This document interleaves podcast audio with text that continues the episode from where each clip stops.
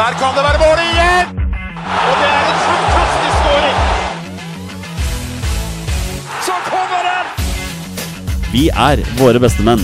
Vi har jo en del vi skal gå gjennom i dag. Skal vi bare, bare kjøre på med episoden vår? Ja, la oss gjøre det. Kjør! Heia Norge. Heia Norge! Heia Norge!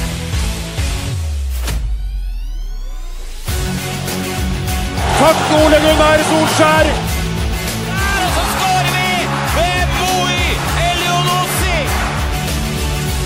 Rekdal skyter i mål! Og Norge leder 1-0! Så kommer den! Det er Tariq Elunussi som har sist på den! Martin Ødegaard! Hjertelig velkommen til alle våre følgere og lyttere der ute. Til det som er tidenes aller første episode 215 av Våre bestemenns podkast om norsk landslagsfotball. Mitt navn det er Jonny Normann Olsen, og med meg her i studio i dag har jeg hverdagsretten fra Bogerud, Petter Hermansen, Hei, hei. og rabagassen fra Raufoss, Torstein Børgo. Hallo! Gutter, alt bra?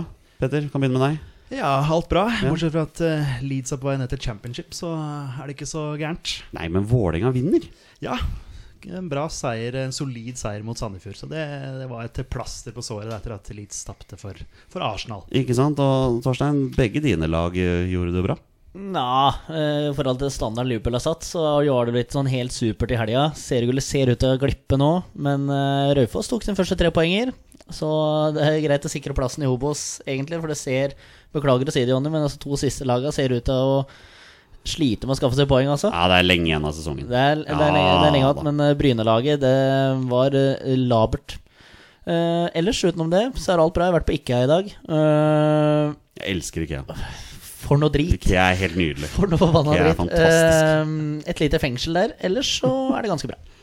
Ja, Skal du spørre hvordan jeg har det som fotballmessig? Ja. Ja. Nei, Manchester United da driter vi i. Det er jo ikke noe interessant lenger. Nei, men, ja, du har jo pratet på at du blir mindre og mindre interessert for hvert år. Ja, det stemmer Så det. om du, liksom, holder du med laget fortsatt? Ja, altså Jeg kan vel navnet på elleve av spillerne, så jeg tror vi, vi, vi er på det punktet Ja, nå. ja.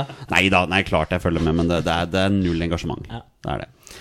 Det, det er det ikke for Skeid, selv om Skeid har tapt fem kamper. Alle med ett mål, da. Ja, det er jevnspilt. Og, Mot, mot fire opprykkskandidater. ja, så Skeid kommer. Kommer. Det kommer til å snu der. Men boys, er ikke, vi skal ikke snakke om Skeid i dag. Vi skal heller ikke snakke om uh, Raufoss eller, eller Vålerenga. Vi skal kanskje innom Fram Larvik, faktisk, av alle ting. For vi har finfint besøk i dag av en herremann som nok de fleste kjenner fra, fra TV-skjermen som kommentator i alskens forskjellige idretter. Men i dag skal vi snakke om norsk landslagsfotball og faktum at han har vært med å regissere en film som er på kino i disse dager. Den filmen har vi sett, og vi skal komme med en svært objektiv anmeldelse av den litt senere i denne episoden. Men det er da Daniel Høglund som er med oss i dag. God kveld, Daniel. Takk, eh, og god kveld. Jeg er jo Som Fram Larvik-supporter så vet jeg ikke om jeg vil, bør sitte på kjøkkenet til en som holder med Skeid. Og som det- sendte oss ned i tredjedivisjon med to minutter igjen. eh, Ja. Ja, nei, Forrige sesong? Jeg, jeg kan velge å ha dårlig, dårlig eh, selvtillit for det, eller samvittighet for det, men det har jeg ikke. For, for faktum er at Fram skapte den nedrykket sjøl. det, vi, jeg, jeg, vi, vi hater ikke Skeid i Larvik. Vi gjør ikke det. Og dere var veldig snille med oss da dere forlot stadion. Eh, med et opprykk er det jo lett å være raus, selvfølgelig. Eh, men eh, med kondolanser og trøstende ord på vei ut. Det satte vi pris på. Ikke sant, Vi kunne jo vært en sånn fryktelig supportergruppe som dansa og jubla, bare ha-ha, rykker ned, rykker ned. Men det var ikke vi. Nei. Vi er hedersmenn. Men hvem hater man som eh, Fram Larvik-supporter? Hvis Nei. vi kan bruke ordet hat. Ja, altså det er jo egentlig Larvik-turen som er egentlig et sånn uh, Vålerenga-Lyn-hat. fordi at Larvik-turen er da Fiffen fra Bøkeskogen, mens Fram er da arbeiderklasseklubben fra Torstrand. Veldig stolt av at vi er arbeiderklasse. Uh, så det er på en måte et hat som har vært der, men som egentlig er viska helt bort nå. Hvor er Larvik-turen i systemet? Ja, hvor er Larvik-turen? De er i hvert fall i fjerde, om ikke de er nede i femte. Ja, ikke sant? Ehm, ja. Så, og så prøvde man jo samarbeide for mange mange år siden i Larvik. Litt sånn som alle klubber gjorde. Sandefjord Fotball ble oppretta, blant annet. Eh, og alle ble med, bortsett fra Larvik-turen. Ja, ikke sant? så det, vi var der, og det var jo Da handla det om farge på drakta, hvilken bane man skulle spille på. Ja, på det nivået. Ja, vi, vi, vi har vært innom sånne kjøpeklubber før, har vi ikke det? På, på en eller annen måte. Altså, Alle har jo møtt kjøpeklubber. Vet ikke hvem du refererer til. Nei, nei, nei, jeg bare tenker sånn generelt, som han nevner. Sandefjord fotball er jo der. Kristiansund BK. Ja, Det er jo ja. sånne Men eh, fram, nei, Larvik fotball gikk jo da heidundrende konkurs, da. Så, uh, Ja. Og blei til Fram igjen. Det er vi veldig glad for, vi Ja, som det, er ja, glad for, Fram. for der er jo historien. Det er jo, historien er jo fram. Ja, siden 1894. Så Ja, der ser du. Ja, uh, en av Norges eldste fotballklubber. Sier jeg, for hvis jeg sier at det er Norges eldste, så klikker det for alle i Odd. Eh, for de er da Norges eldste, visstnok. Selv om stiftelsesdatoen er tre måneder etter fram. Så har de bedrevet fotball der lenger, ifølge historikerne fra Ja, Grenland. riktig, ja. Så eh, jeg anerkjenner den, og vil ikke bi meg ut på For jeg får, det blir bare skikkelig dårlig stemning. Det er noe med det. Men, men eh, når jeg først har deg, Daniel, du må svare på spørsmål som jeg alltid har lurt på. Er det Fram Larvik, eller er det Fram? Egentlig så er det da Idrettsforeningen Fram. Ja. Og så har man vel eh, lagt på Fram Larvik, verken i logo eller noe sånn offisielt, men jeg tror det bare har blitt sånn de siste åra. Det, det er jo det det står overalt. eh. Det er jo det, men, Er det men, det? men det er jo ikke en, en offisiell del av lagnavnet. Er Fram Larvik? Nei, det er det vel egentlig ikke. Nei. Hvis ikke noen har gjort noe med papirene. Men egentlig så er det Idrettsforeningen Fram, ja. For- Men det er jo ikke så sexy når det er en, vil være en fotballklubb eller fotballag. Så er sånn, i idrettsforening er ikke så sexy. Torstein, du og jeg har jo spilt fotball sammen på særdeles lavt nivå i, i 8. divisjon her i ikke, Oslo. si det, ikke si det, ikke si det. Jo, jeg sier det for det, var, det er det som er sannheten. Ja. Og vi spilte på lag med en fyr fra Larvik. Og når vi begynte å snakke om Fram Larvik, så fikk vi kjeft hver eneste gang, for det heter ikke Fram Larvik ifølge han. Det er Fram. Ja, okay. Veldig opptatt av det. Ja. Og jeg møtte han også på kampen mellom Ja. Fram Larvik Ja. og Skeid her Ja. i november. Ja. han, Ja, vi, vi, og, og, vi sier jo Fram. Vi sier Ja, ikke Fram? Larvik. Ja, ja. Nei, nei, nei, det er absolutt ikke. Nei, ikke sant? Er det er- Fram som har den der skåringsmelodien som eh, oh, åh, Hvor hen du bedre. går Ja. i Norges land? Så, er sorry, altså, Daniel. Jeg, jeg syns Fram er en veldig fin klubb, men jeg får magesår av den derre du, Ja. Ja, ja, ja. ja. Det er helt riktig. Ja, jeg Ja, har ja, sett, noen- høydepunkter, vet du. Så. Den, den er brutal. Og når, når Fram tok ledelsen 1-0 der, det var bare sånn Det er bare å lukke øra, altså. For det var, ja. Men jeg regner med at dere elsker den. Ja, og jeg, jeg ser også for meg at det er sånn eh, ekstra salt i såret på motstandere. Og når du får den i trynet Det er liksom nesten sånn hånlig. Så ja, jeg Ja, skjønner. ja. Men det er egentlig bare litt deilig. Ja, ja. Og så blir den spilt veldig høyt òg, føler jeg. Veldig, ja, Ja, ja, det sant. Ja, Ja, ja. ja. Det var en tidligere Skeid-spiller som skårte i tillegg. Da var sånn som alt var bare gnid inn, gnid inn. Ja, Snudde fort. Men Daniel, um, norsk landslagsfotball.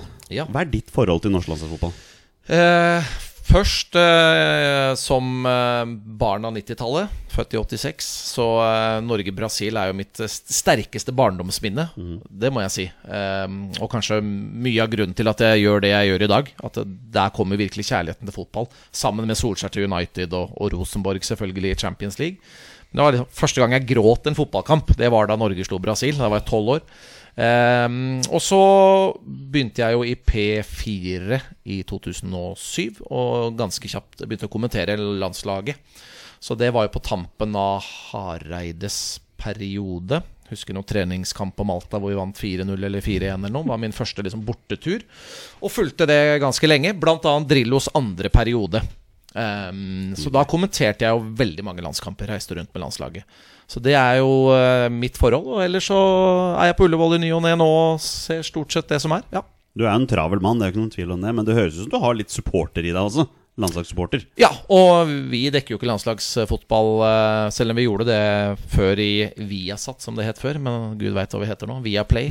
Ja, eller hva? Det er jo vi har Kjært barn har mange navn, men Viaplay er vel det vi liker å si. Ja. Så, um, så dekker jo ikke vi landslaget, så da kan jeg jo bare se på det med hjertet.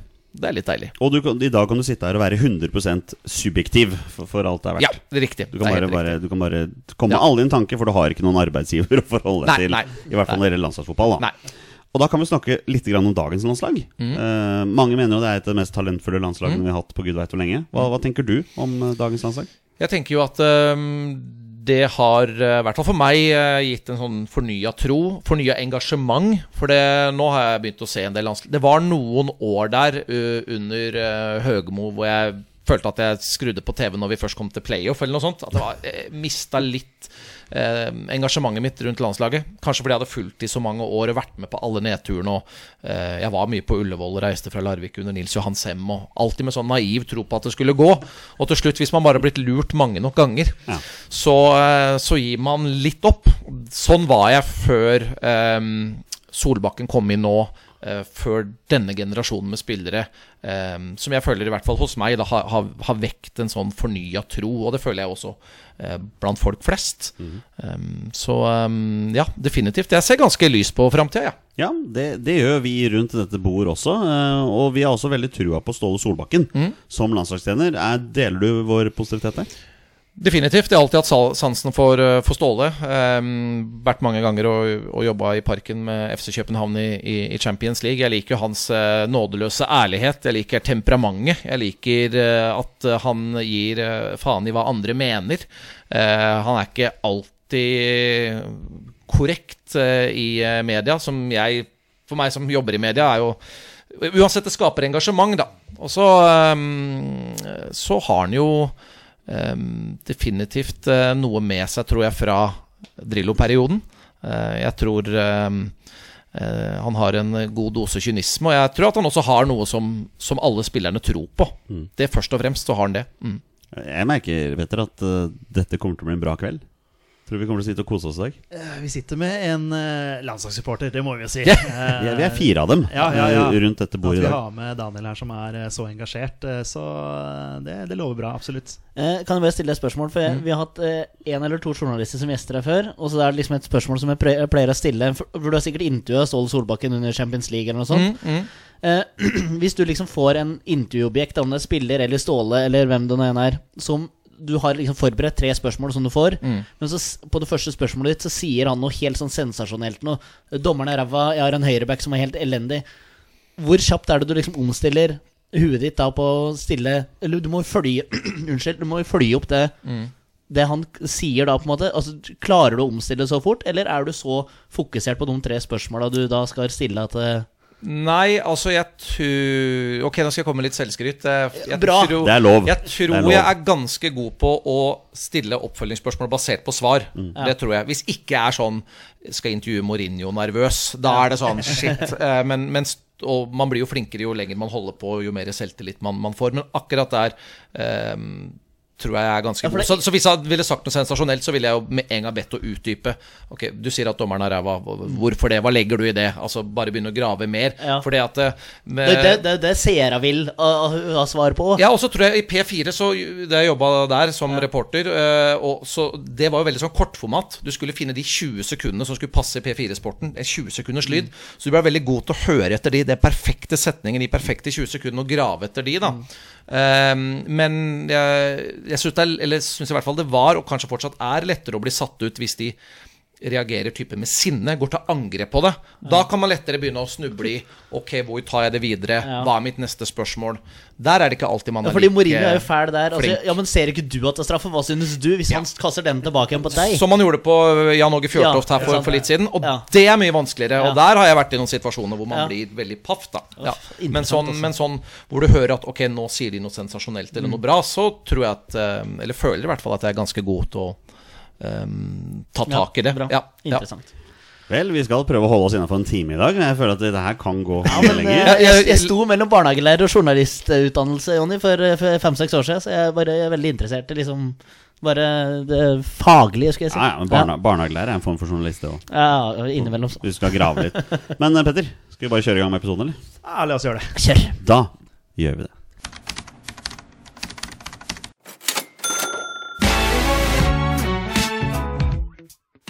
Daniel Høglund er gjest her hos Våre bestemenn dag, og grunnen til det er jo pga. denne filmen som går på kino nå, Petter, og den heter jo Alt for Norge.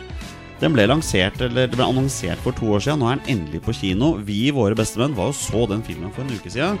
Og her kommer en særdeles objektiv, kjapp anmeldelse av filmen. Petter, eh, var du fornøyd?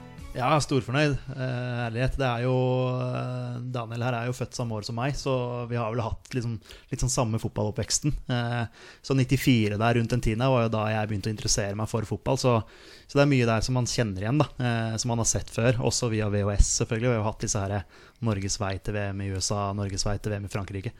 Så Det var gøy å se, og gøy å se klipp som man aldri har sett før, eh, rett og slett. Eh, eh, film fra tribunen. Eh, det var, eh, det var en sånn film som du, du satt og koste deg. Da. Det er sånn, det, det, dette er jo lidenskapen vår. Å sitte og se på det på storskjerm, det var, det var stas. Ikke sant, men også det der ikke, Men altså i garderoben, altså på hotellrom og greier. Jeg, jeg syns jo hele den der scenen hvor du var på ambassaden i USA, hvor du så hele landslaget omtrent hata å være der, var jo, var jo helt nydelig. fasci- fascinerende å se. Altså, så, sånn innblikk, et helt, et helt nytt innblikk mm. i, i noe som man, man trodde man kanskje visste mye om, men som man ikke Ja, sånn som du sier der, da, hvor mye som, som skjedde utenfor banen. da eh, Så nei, fascinerende, og selvfølgelig terningkast seks. Selvfølgelig. Ja, ja, åpenbart. Eh, Torstein, hva med deg?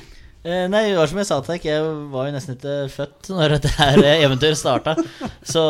Men jeg syns det var morsomt å se, for jeg har jo bare hørt historier sant? og så sett gamle videoklipp. Og så er det jo eh, nye videoklipp eh, som kommer, som du ikke har, eh, ikke har sett før. Eh, og så er det liksom, ja, som jeg sa, alle disse historiene som har blitt fortalt. Uh, nå blir de fortalt på en helt annen måte når du får videoer og gi fra tribuna. Du tror egentlig bare det er noe som hører nåtida til, egentlig. At du får en snap eller en video eller eh, noe sånt. Så det var uh, veldig morsomt å se eh, fra stua til folk. Da, du, da kom barndomsminnet tilbake igjen. Når du så eh, en familie som hadde samme veggteppe som vi hadde hjemme. Det var sånn der, ja, fader, det er jo sånn her det var. Så nei, det var eh, veldig moro. Og å se. Men jeg tenker det er liksom enda artigere for dere som er fem-seks år eldre enn meg. Eh, så, så dere husker jo mer fra dette. Så, men ja. eh, topp, topp, topp topp film. Glemmer jo hvor ung du er. Altså, Ja, det ble 30 i forrige uke, så det er ikke så veldig, veldig ung. Men, neida. eh, men Neida, så ille er det ikke, Neida, faktisk neida, ikke. Men, men eh, Daniel, altså, folk kjenner deg jo som sportskommentator, men Mm. nå også filmregissør. Det er, det er greit, å ha, greit å ha på CV-en. Endelig. Endelig. Nei, jeg, eh, jeg har jo en veldig eh, kort og mangelfull utdannelse. Jeg har jo, videregående har jeg gått av. Eh, Gikk på medialinja i Larvik, og da skulle jeg bli filmregissør. Det var liksom Det var eh, den store drømmen. Selv om jeg var i lokalradioen og kommenterte fotball, så tenkte jeg nei, jeg har lyst til å bli filmregissør.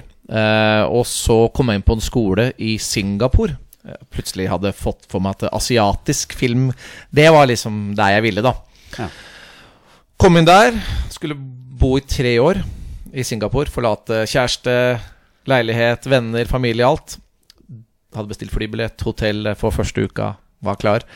Og dagen før jeg skulle reise, så fikk jeg vite at jeg hadde strøket på matteeksamen.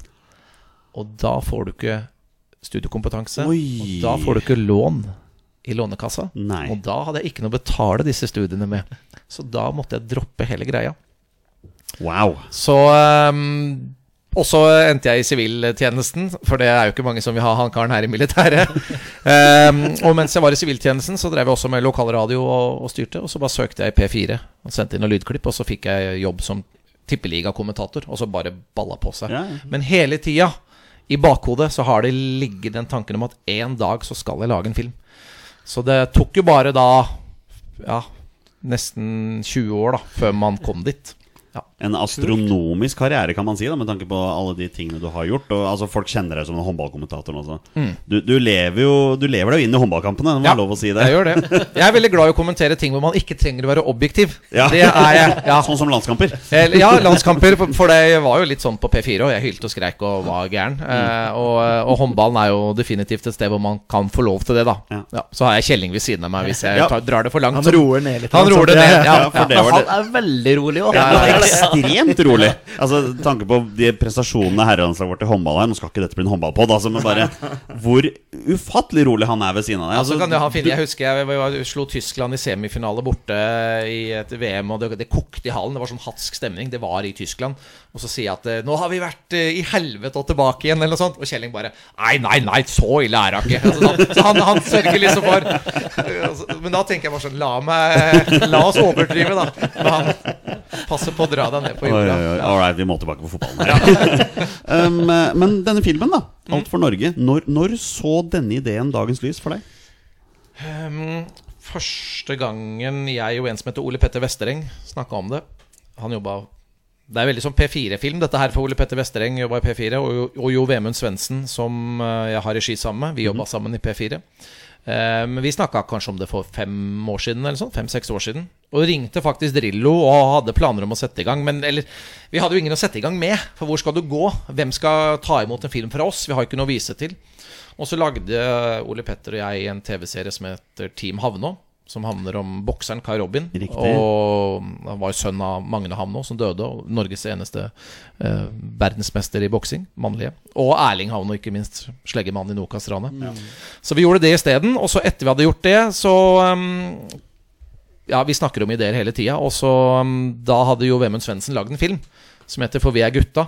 En dokumentar om en eh, resi, Nei, ikke regissør. Eh, dirigent som um, dør av kreft. Så de følger liksom hans siste måneder i, i livet med dette koret da på Kampen. Og eh, da hadde han plutselig en fot innenfor filmbransjen. Og Vi hadde ideen, og jeg følte at jeg hadde fått såpass mye erfaring sånn på hobbybasis at da gikk vi til et selskap som heter Fenomen. Og de var gærne nok til å si ja. Og, og Drillo var med, da, heldigvis. Det var jo det vi hadde. Vi hadde Drillo, og, Eller var det egentlig kun det vi hadde? Vi hadde Drillo, og så hadde vi sånn Vi vil lage film om Norges fotballeventyr på 90-tallet. Ja. det var egentlig det. Nei, ikke sant? For, for dette er jo sannsynligvis en idé som veldig mange har hatt før òg, å lage Ja. en dokumentar rundt dette her. Hva, hva var annerledes med deres idé? Nei, vi tenkte jo ofte sånn Hvorfor har ingen gjort det før? Og sannheten er vel at veldig mange har tenkt at det er gjort før, fordi NRK har jo lagd eh, mange den type programmer. Best i verden og eh, ja, en eller annen til. De har sånne type halvtime, tre kvarters varianter, ikke sant? Men veldig TV-ete. Mens vi hadde lyst til å pakkettere det inn i en sånn filmatisk fortelling. Og så dukka det jo veldig tidlig opp ti timers private opptak fra Siggen, altså kona til Drillo. Og da skjønte vi at her er det Hvis det fins, så fins det også veldig mye annet eh, av materiale som ikke er sett før. Så vi, vi hadde en sånn naiv tro på at det skulle være der ute. Vi visste jo ikke, men det var det vi ville at skulle være annerledes. Vi skulle pakkettere det inn som en filmfortelling med ting du ikke hadde sett før. Og eh, du og jeg hadde jo en prat for to år siden, når pandemien brøt ut. Da satt jo vi hjemme, og vi fikk jo ikke muligheten til å lage pod, fordi dere fikk jo ikke lov til å komme hit. På grunn av greier sånn, Så da måtte jeg begynne å ringe litt rundt. Jeg egentlig ha TV runder med intervjuer. Og da hadde du nettopp eh, Dere hadde nettopp annonsert at denne filmen skulle se dagens lys. Ja. Vi prata sammen. Veldig hyggelig prat. Og du etterlyste rett og slett klipp. Fi filmklipp fra folk.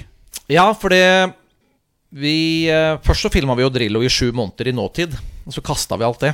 Eh, og bestemte oss for å kun lage en arkivfilm. For da hadde vi fått inn eh, en del arkiv fra spillere og, og forskjellige ting. Um, og tenkte ok, vi, vi går all in på arkiv, inspirert av Maradona-filmen, Senna-filmen, Amy, som er han Asif Kapadia som har laget. Tenkte Det kan vi også få til. Uh, for det er liksom ikke nok i disse nåtidsscenene med Drillo, annet enn at han reiser rundt med Arne Skeie og holder quiz og eh, Fine scener, men, men det er ikke noe filmfortelling der, da. Den ligger i fortida. Eh, og da kom ideen opp eh, om eh, ja, Vi hadde en litt sånn Vår eh, tanke var at dette skulle være en blanding av A Beautiful Mind og Flåklypa Grand Prix.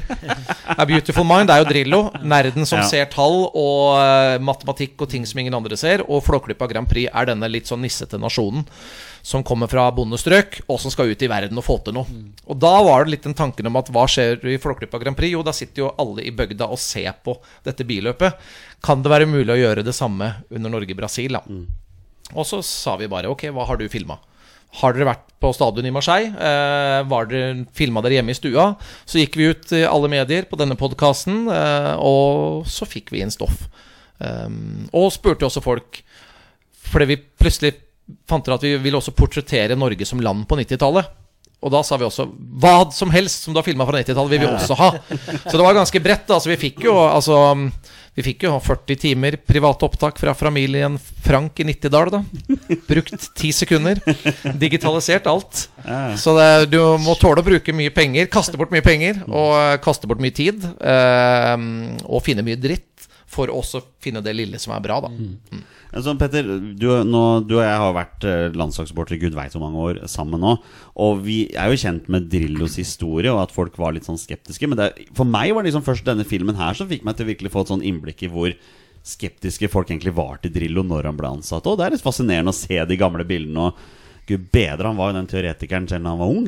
Liksom. Det er fascinerende. Ja, man, man har jo vært klar over det, litt, sånn, litt de tilfeldighetene som var rundt den ansettelsen der. Da. Eh, hvor han ja, i utgangspunktet bare Ok, du kan ta den her midlertidig, og så, og så er det den Kamerun-kampen der og litt sånne ting som, som gjør at det her, eh, man begynner å få litt trua, kanskje. Eh, men ja, utrolig fascinerende. Eh, Man, har, man kjenner til historien, men man fikk jo liksom enda, enda større innblikk i det. da Torstein, er det, er det noe spesifikt fra filmen du beit i merke som var sånn Jøss, dette var en sånn oppvekker for meg? Sånn ting du ikke var klar over? Nei, eh, ja, alt og, At det, at det var straffe til etter Flo. Ja, Vi er enige om det nå. Det var straffe. Alt det åpenbare. Men jeg husker jo at den, at den snetra litt av media eh, i Drillo 2-perioden. Og det kom, jeg kom på den der når, når han sitter på klubbhuset, når han skal motta en slags premie, og så er det Å, Gud, og tre den scenen karer som driver og underholder, lager noen sånne gable Han skal få den barnevogna. Han skal få i barnevogn, ja. Og han s- sitter der og blir ordentlig forbanna. Han sier det òg. Og det er liksom at, at han har eh, At han tør, da Eller jeg hadde ikke tørt, jeg hadde bare tatt imot og tenkt Fy faen, for noen jævla idioter.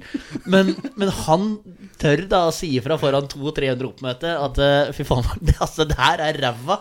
Det der er elendig, sier han til alle. Det er ikke leide meg, og det her er helt håpløst. At han, liksom at han at han sier ifra så tydelig og så tidlig, og det gjorde han jo til media da òg. Eh, og på det opptaket her. Altså, det, jeg synes Kanskje det som jeg syns er det morsomme, at, den, at han er så direkte, da, rett fram, som eh, gjør kanskje at eh, han er ganske enkel å forholde seg til på en eller annen slags måte.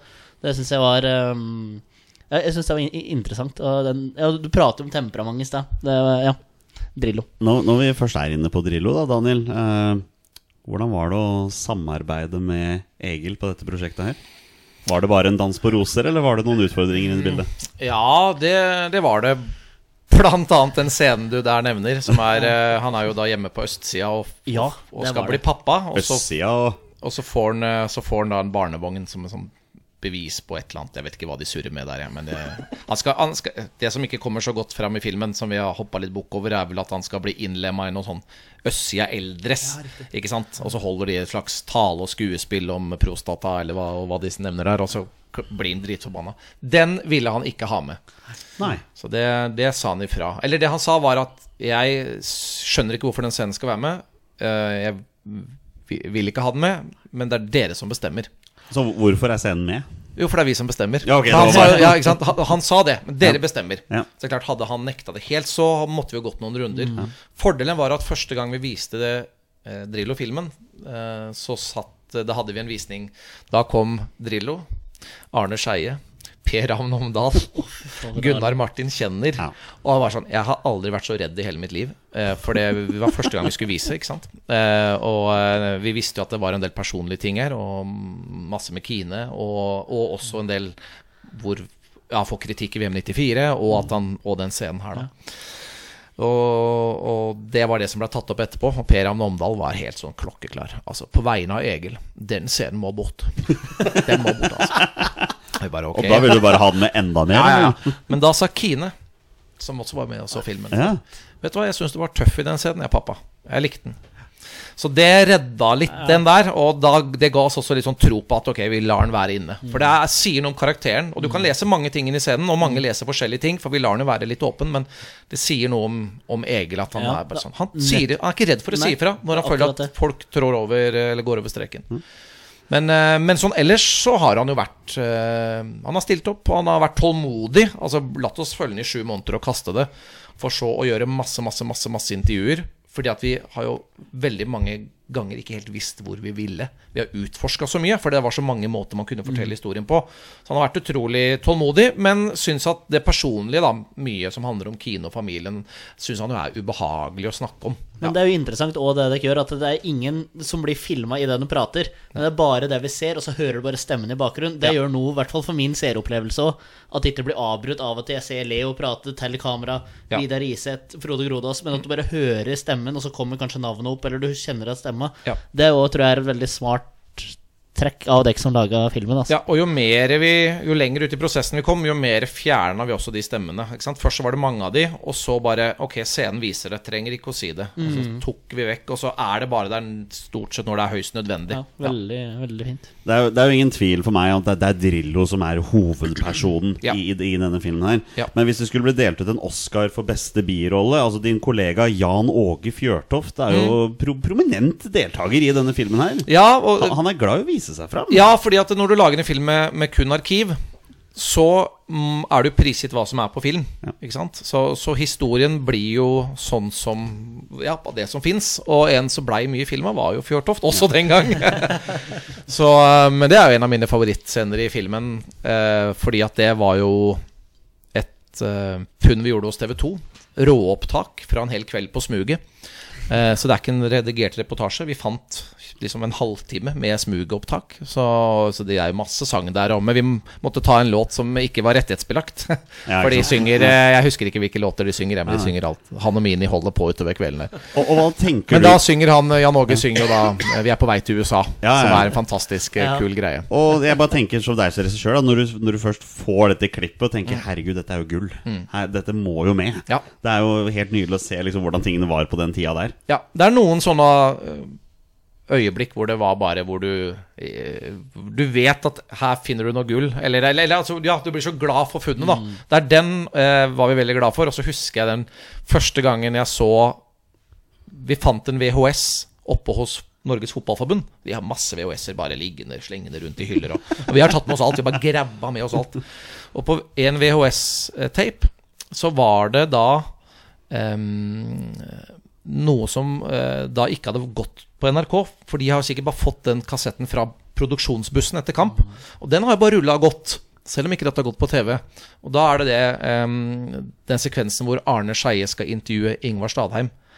Og vi får se alt som skjer før intervjuet starter. Ja. Som er bare at de surrer med kamera og Ja, ja, ledning. ja. Og Arne Skeie sier ja Følte med deg der vi satt, men, eh, men tenk deg vi som skal lage en time TV av dette her, da. Det er liksom mer synd på han. Eh, og jævlig lys her, og sant, kamera. Og, så, og så kan vi vise hele det. Og sånt syns jeg var det morsomste. da Finne sånne ekte ting, på en måte. Ja, Har da Arne Skeie noen respons på den scenen der? Ja, Jeg skjønner ikke hvor vi har funnet det. Ikke sant? Nei, ikke sant? Nei, han, er jo, nei, han storkoste seg. Han elska jo det her. Ja. Ja, det, Jeg syns også den scenen var veldig gøy. Altså hvor, hvor de får tak i alle disse gamle tingene her. Eh, men jeg bare tenker, herregud, hvor mange timer med gamle opptak har dere egentlig sett på for å få dette her i stand? Jeg vet ikke. Jeg har ikke, jeg har ikke tall på det. Men vi har sett på alt. Ja. Alt. Så blant annet bare for å lage VM-kvaliken til 94, da. Jeg har sikkert sett alle kampene i hvert fall tre ganger. Mm. Sånn. I detalj. Det er bare eksempel et klipp i filmen hvor Kjetil Rekdal sier 'Jeg følte meg som et tennisnett'. Ballen gikk over Ja. meg Ja, ja, uansett ja. hvor jeg var. Det fins ett nærbilde av Kjetil Rekdal gjennom alle kampene i VM-kvaliken til 94, hvor det er et nærbilde. Han kikker opp i lufta og ser ballen går over. Det var den som var med filmen? Det er den som er med filmen. Det fins ingen andre. Så det er sånn Det var å finne Så du skal ha litt flaks òg, da. Ja, ja. Men, det, men alle de har vi på en måte identifisert, gått inn og lagt opp. Sagt ok, den kan vi kanskje få brukt for. Nærbilde av Drillo der. En fot der, et spark der, en ball der, en supporter der. også. og så må du få puslespillet til å funke, da. Får du lyst til å bli filmregissør, Torstein? Nei, jeg hører at det er sinnssykt mye jobb, men jeg kan eh, gjøre intervjuer og sånn rundt. Eh, Det kan jeg være med å gjøre. Men eh, å sitte og, med det tekniske og duppeditter og sånn, det tror jeg holder meg langt unna. Jeg synes også en, en fascinerende scene i filmen er den der når han tar med seg Kine på landslagssamling. Og flere av spillerne var sånn Dette var da veldig rart. Mm. Ja, ja, ja. Noe som ikke skulle skje, Og liksom. det er jo noe av det vi har mest av. Altså vi har, og det er så mange scener. Kine som leker med ball ved siden av banen, og så ser du Egil lede trening utpå der. Og det, det er sånn, det var å velge og vrake, da. Så der handler det om å klare å velge bort, rett og slett. For det var jo så mye. For han, Ja. De hadde jo med seg Kine i alle de åra der. Ja, du, de du, har, med. du har sett store deler av oppveksten til Kine Olsen, du, Ja, egentlig. det er, helt riktig. Det, det blir litt inni det her Ja, også. så det skal jo Egil og Siggen ha, da. De har latt oss få alt. Så vi har, vi har jo sett alt. Vi har jo sett hele privatlivet deres, som er jo en veldig sånn tillitserklæring, da. Um, det må jeg si. Ja, det er stort. Kona hans er jo ikke veldig profilert i media. Hvordan er hun som person? Hun er veldig hyggelig. Ja. Super. Har, eh, men hun eh, Hun jo, vil jo helst ikke bli intervjua. Så eh, vi fikk ett intervju. Tenkte vi skulle ha flere, men det ble bare det ene. og heldigvis så var det nok til det vi trengte for, for filmen. Så hun har jo vært sånn mediesky egentlig hele veien. Ja. Um, men stilte jo opp på filmen, da. Så de um, Det var veldig viktig for oss å på en måte få en, sånn, en kvinnestemme inn. Og noen som kunne for, si noe litt annerledes om Egil enn det alle spillerne sier. Jeg syns hun snakker om Drillo på en fantastisk måte. Altså, Ja, det- det er faktisk et menneske som er forelska i denne mannen her. Og er blitt kona hans. Ja, Og alle andre ser jo bare på han som den litt sånn rare professoren. Så jeg synes det er noe så fascinerende med det òg, da. Og det, men det syns jeg også filmen får litt fram òg, at det er mer bak personen Drillo enn bare fotballidioten. la oss bare si det sånn. Det er en person bak der også. Ja. På, på godt og vondt. Altså, det Ja. ser du jo med den derre Sinnascenen på Østias klubbhus, men også det når han liksom driver og leker med Kine, liksom bade, badegreier der og sånn, så er det veldig hyggelig. Du som far, Petter, altså du må jo synes det er litt koselig, du òg. Absolutt. jeg vet ikke hva jeg skal si, men ja. Nei, det er bare å si ja. Ja, ja, ja. Ja. Ja, men Tanken vår var jo litt at uh, vi hadde en sånn hypotese som man kan ha som filmregissør. Men som, du kan ikke si det til hovedpersonen selv før filmen er laget. Men vi hadde en sånn en, I en spillefilm, da i hvert fall, så, så hovedkarakteren din skal jo gjerne ha en slags utvikling. Han skal være sånn når filmen starter, og så skal han på en måte tatt en reise. Og kanskje være litt annerledes på slutten av filmen. Og tanken vår var at Egil gikk fra en litt sånn hard tallnerd som ikke brydde seg så mye om mennesker, til å kanskje få å gjøre det. Og via at han blir far og får Kina, at han på en måte mykner litt opp. Og eh, det nærmeste vi liksom kommer kanskje i filmen å se det sånn i praksis, er jo hvordan han håndterer Myggen og Berg-saken. Han tar det med latter på pressekonferansen. Han sier 'jeg visste at de drakk', men ok, det er ikke alle som tåler brakkesjuke. At det på en måte han kanskje viser noen mer medmenneskelige sider, da. Ja. Ja. Og åpenbart at de visste mer enn kom fram i media på den tida der. Ja. Hvordan sa han det? At han hadde grisebanka begge to? sånt? Ja, hvis, Ja. de, hvis, hvis de hadde drukket, så hadde han nok blitt sendt igjen. Husker jeg han sa Ja. på den gamle NRK-greia sånn. Ja. Nå veit du at det visste han jo Ja. lenge før. Ja. Så Um, du snakket om NFF her. Mm. Um, hvordan var samarbeidet med de rundt denne filmen? fantastisk. Ja. Vi har jo eh, eh, fått eh, ta med oss alt vi ville. Ja, dere Eh, stjal det ikke, altså? Nei, Eh, vi har levert det tilbake. Ja, okay, ja, men. Men altså, eh, altså uendelig med mengder. Blant annet så viste det seg at det, fra det, det var et sånt fotballmuseum på Ullevål en periode. Og alt dette her blei pakka inn og lagt på et eller annet lager som ikke ligger hos Fotballforbundet, men som ligger på en annen del av Ullevål stadion. Og det var kun én kar som visste om dette rommet her, og der slapp vi inn. Og der lå det jo Altså Det lå jo gamle filmruller med eh, liksom cupfinale med Merkantil i 19... Hva kan det ha vært da? 1914 eller Å, noe sånt. Helt i starten. Ja, ja, ja, ja. I sort-hvitt. Altså, vi fant masse. Noe av det er jo med i starten på filmen, sånn tittelsekvensen, hvor vi går gjennom kjapt sånn norsk fotballs historie. Så vi fikk jo egentlig komme inn overalt. Gjøre Litt av problemet var jo korona, da, så det var litt sånn stengt ned på kontorene der og sånt. Men, men tilgangen har vært egentlig Vi har fått alt vi har bedt om. Ja. Ja. Har det vært på noe som helst tidspunkt i produksjonen vært sånn at NFF har sagt nei, dette blir feil? Nei, aldri. Nei. Nei. I alle NFF, alle spillere, alle har stilt opp på alt. Ja. Ja. og, og vært tålmodige. Og sånn som Kjetil Rekdal har vi sikkert gjort det samme intervjuet med fem ganger. ikke sant? Ja. Eh, kan du si det isteden? Kan du gjøre det sånn? Ja, nå har vi gjort klippen. Det du sa der var ganske bra, men kan du også si noe sånt? Altså, ja, de har, alle har vært veldig velvillige. Det er strålende PR for Norges, Norges Fotballforbund, dette her. Ja, de trenger det, dem òg. ja, faktisk. Men uh, vi pratet sammen for to år siden, Daniel. Mm. Nå er filmen ute. Den er på kino. Er du, er du letta? Eller hvordan, hvordan føler du deg nå som endelig er ute? Vi er jo letta fordi at den har fått veldig god uh, respons. Det har den. Man er jo nervøs, eller man føler man har laget noe bra. Uh, så vet man jo aldri om det blir sett på oss på samme måte. Man vet jo ikke om valgene man tar, er det riktig at folk ser på det på samme måte. For det er jo så mange måter å kunne fortelle denne fortellingen på. Det er jo så mange kamper og så mange spillere og så mange muligheter å gå. Um, så det er veldig gøy å lese når anmelderne ser valgene du har tatt. eh, og blant annet det når vi har putta inn kongetaler og samfunnet. det var veldig kult. At noen kunne tenke at ah, dette er litt malplassert, eller dette funka ikke, eller dette var rart, eller Så vi har jo endt opp med ti femmere. Så det er veldig bra. Eh, noen firere, men eh, ingen slakt. Fantastisk. Og at alle involverte er fornøyd, og at premieren ble en kjempesuksess. Og fotball Alle har på en måte Alle er glad for produktet, da. Har Jan Åge sett den? Han tror jeg ikke har sett den. Fordi han eh, var i Dortmund i premierehelga. Ja. Og eh, han, har, han henger vel med Haaland, eh, eller jakter han eh, fortsatt. Så han Ja. er vel en av de som ennå ikke har fått sett den, faktisk. Ikke sant? Det jeg har vist den, er jo den scenen hvor han synger på smuget. Ja. Og da ble han så flau at han ba meg skru av. Han syntes det, var- det, var sånn, ja, han syntes det var vanskelig å se seg selv. Jøss, det, det er ikke den Jan Åge ført at jeg ble kjent med på, på TV, i hvert fall. Nei. Jeg ville tenkt at han var en av de første som skulle se filmen, fordi Ja. han er så mye involvert der. Men Ja. ja. Jeg tror ikke han helt vet selv hvor, eh, hvor mye han er med. Men han er jo en av de som har gitt eh, opptak. Han var en av de som filma i VM i 94. Ja, åpenbart. Han er jo en av spillerne som er mest profilerte på Vino, sammen med Kjetil Rekdal. Uh, Erik Thorstvedt er jo inne der Ja, også. Rune Bratseth er jo en, del, Bratseth, ja. eh, er en god del med. Ja, han, um, han bærer jo VM-nedturen ja, ganske Ja. Kraftig. Men det var, det var én spiller jeg la merke til som var med i VM 94. Jeg måtte klø meg litt i øya når jeg så det. For sånn der, Jeg kan ikke huske at Sigurd Rushfeldt var med i troppen til Norge i fotball-VM 94, men det var han. Det var faktisk en puro. Han var 20 år gammel eller sånn, og Ja. var med i troppen. Sitter i bussen. Ja, med På- svære briller. Ja, ja, ja. så det var sånn Er det Dr. Dyregod, eller er det faktisk Sigurd Rushfeldt? Det var veldig gøy. Ja.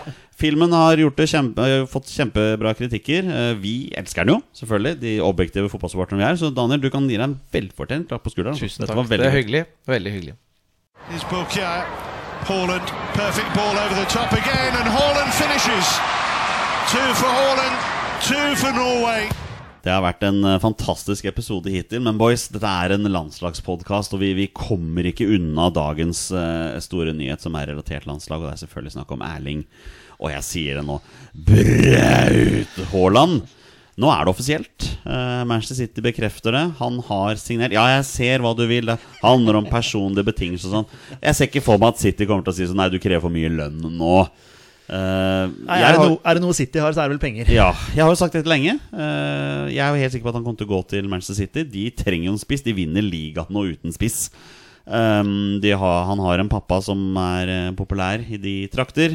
og når dessverre Leeds ikke er der hvor de skal være, så, så blir det Manchester City. Og La oss bare ta det med en gang, så vi bare blir ferdig med det. Vi veit at det er mye diskusjoner på sosiale medier om det moralske aspektet her. Eh, araberpenger, sånne ting. Og vi har jo sjøl vært veldig kritiske i forhold til Qatar-VM, så vi har full forståelse av at folk er kritiske. Men nå skal vi prøve å se dette her fra et landslagsperspektiv, og hva som er best for det norske landslaget. Og det er jo ingen tvil om at vi har en av verdens største talenter. Kanskje det største talentet, faktisk. Eh, På, på ren spissplass er norsk, altså. Og signerer nå for, eh, for Manchester City for gud veit hvor mye penger, og har potensial til å bli en av verdens aller beste spillere. Så det er jævlig dumt om man stiller spørsmål, Petter, men hvor stort er dette for norsk landslagsfotball?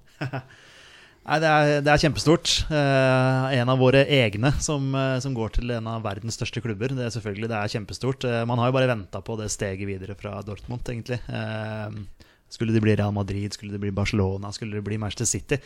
Skulle det bli Leeds? Eh, han har jo sagt at eh, drømmen hans er å vinne Premier League med Leeds, men eh, vi får ta det Vi får se hva som skjer der. Men eh, ja, nei, det er, det er kjempestort, og, og en liga som vi følger tett også. Så selvfølgelig blir det gøy å, å se han med, med City-drakt.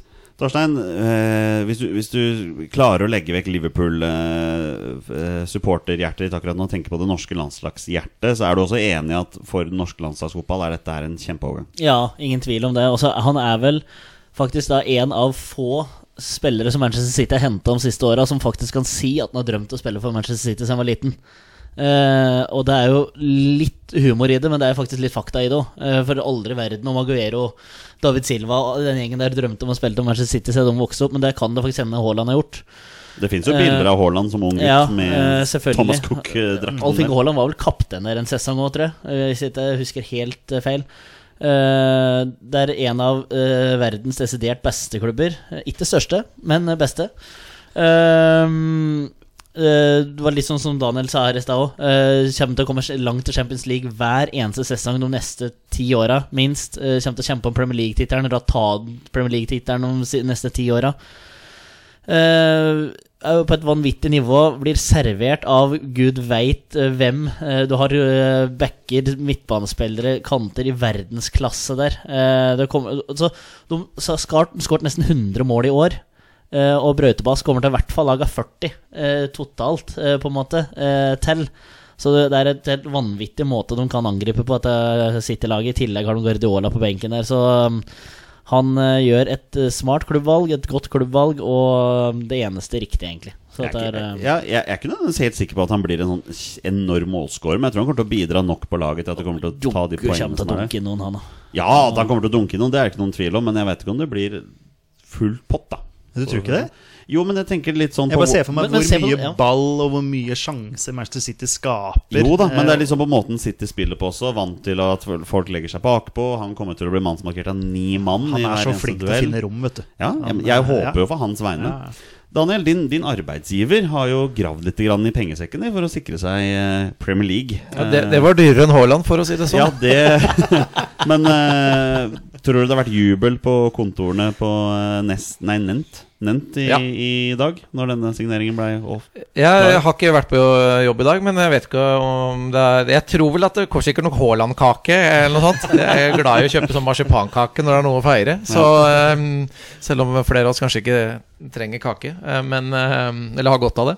Eh, ja, det er jo gærent. Det det er jo svært, selvfølgelig. Og det, det betyr at du får jo enda en klubb som vil få massiv interesse. Fordi eh, det er jo Liverpool og United som drar desidert flest abonnenter og seere og alt, ikke sant? Og, og City er ganske langt ned på den lista. Det er ikke sånn enorm interesse rundt City i, i Norge. Det er jo flere andre klubber som, som drar mer enn de, enda de er best. Eller ja, en av de beste i sånn som England. Leeds.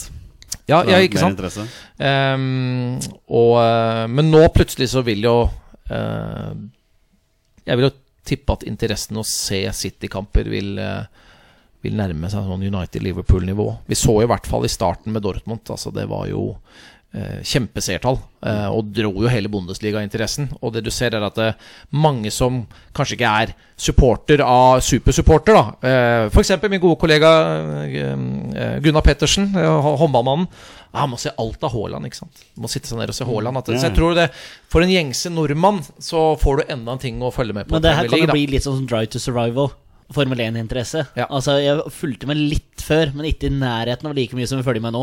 Mm. Nå er det liksom hvert løp må du ha med det. Må ha med deg treninga, må ha med deg kvalifisering, alt sånt der. Det er, det er kanskje litt sånn sammenlignbart da for, for Premier noe, i hvert fall. ja, Nå har jo Premier League selvfølgelig en enorm interesse, og det er jo ingenting som er større Det er en grunn til at man betaler så mye penger for rettighetene. Det er ingenting som genererer mer penger, og Norge er i særstilling. Altså, det, er, det er helt annet enn i Sverige og Danmark, f.eks., hvor vi også har rettighetene. Altså, ikke, det er ikke i nærheten. Her er det det er størst, og det er dessverre da dyrest. Ja, det er Eh, sånn også, det blir. altså, sånn, det, det, men eh, både å kjøpe inn eh, for de som kjøper inn rettighetene, og, og for seerne også, så er det jo noe dyrere her enn i Sverige og Danmark. Men det er bare fordi at interessen er helt spinnvill. Og det er klart at dette her er jo med på ta det til et nytt nivå. Ja. Det er det ingen tvil om. Peder, vi har fått spørsmål fra Olai Årdal, fast lytter. Eh, tror om Vi lurer på om, om Haaland kommer til å være skada når det er landslagspause framover, nå som han har gått til City. Eh, slik vi ofte ser det med stjernene, eh, iallfall før ubetydelige kamper. Ja, vi har jo sett det tidligere, men ikke så mye nå den siste tiden. Det var jo en håper å si, ubetydelig landskamp sist gang. Eh, kunne like gjerne meldt forfall da, da vi vant 9-0 mot Ja. eh, Armenia, var det ikke det? Eh, Det var- jo like før Haaland ble invalid. ja, ja, ja absolutt, absolutt. Nei, jeg håper ikke det. Jeg håper jo han er gira på å ta den skåringsrekorden til eh, Juve, da. Og da må han jo spille landskamper, og han kommer jo sannsynligvis til å ta den også etter hvert. Han er 18 mål unna å tangere den. Han Ja. har jo 15 mål allerede. Det bør, eh, bør være mulig å, å gå forbi. ja, det blir spennende om det er han eller Joshua King som når dit først. da Ja, King har jo sagt at han skulle ta den, men ja, han skåra han hat trick i den kampen. Ja, ikke sant? Så det, ja, det er mulig. Eh, vi har også fått noen spørsmål fra Soneforsvar eh, på Twitter. Eh, Torstein, Han lurer på på hvilken måte var Drillo-stilen revolusjonerende da den kom? Tenker spesielt på kvaliken til USA-VM og hva dagens landslag eventuelt kan lære. Det kan jeg for så vidt sende til deg, Daniel. Ja. I og med at du har, nesten, du har laget en film om, Ja. om Drillo-stilen. Hvor, hvor, når, når du lager den filmen, mm. kommer det opp for deg liksom hvor revolusjonerende den Drillo-stilen faktisk var? Ja, det var jo det på to måter. Det var jo eh, soneforsvaret. Eh, var hva het kontoen soneforsvar?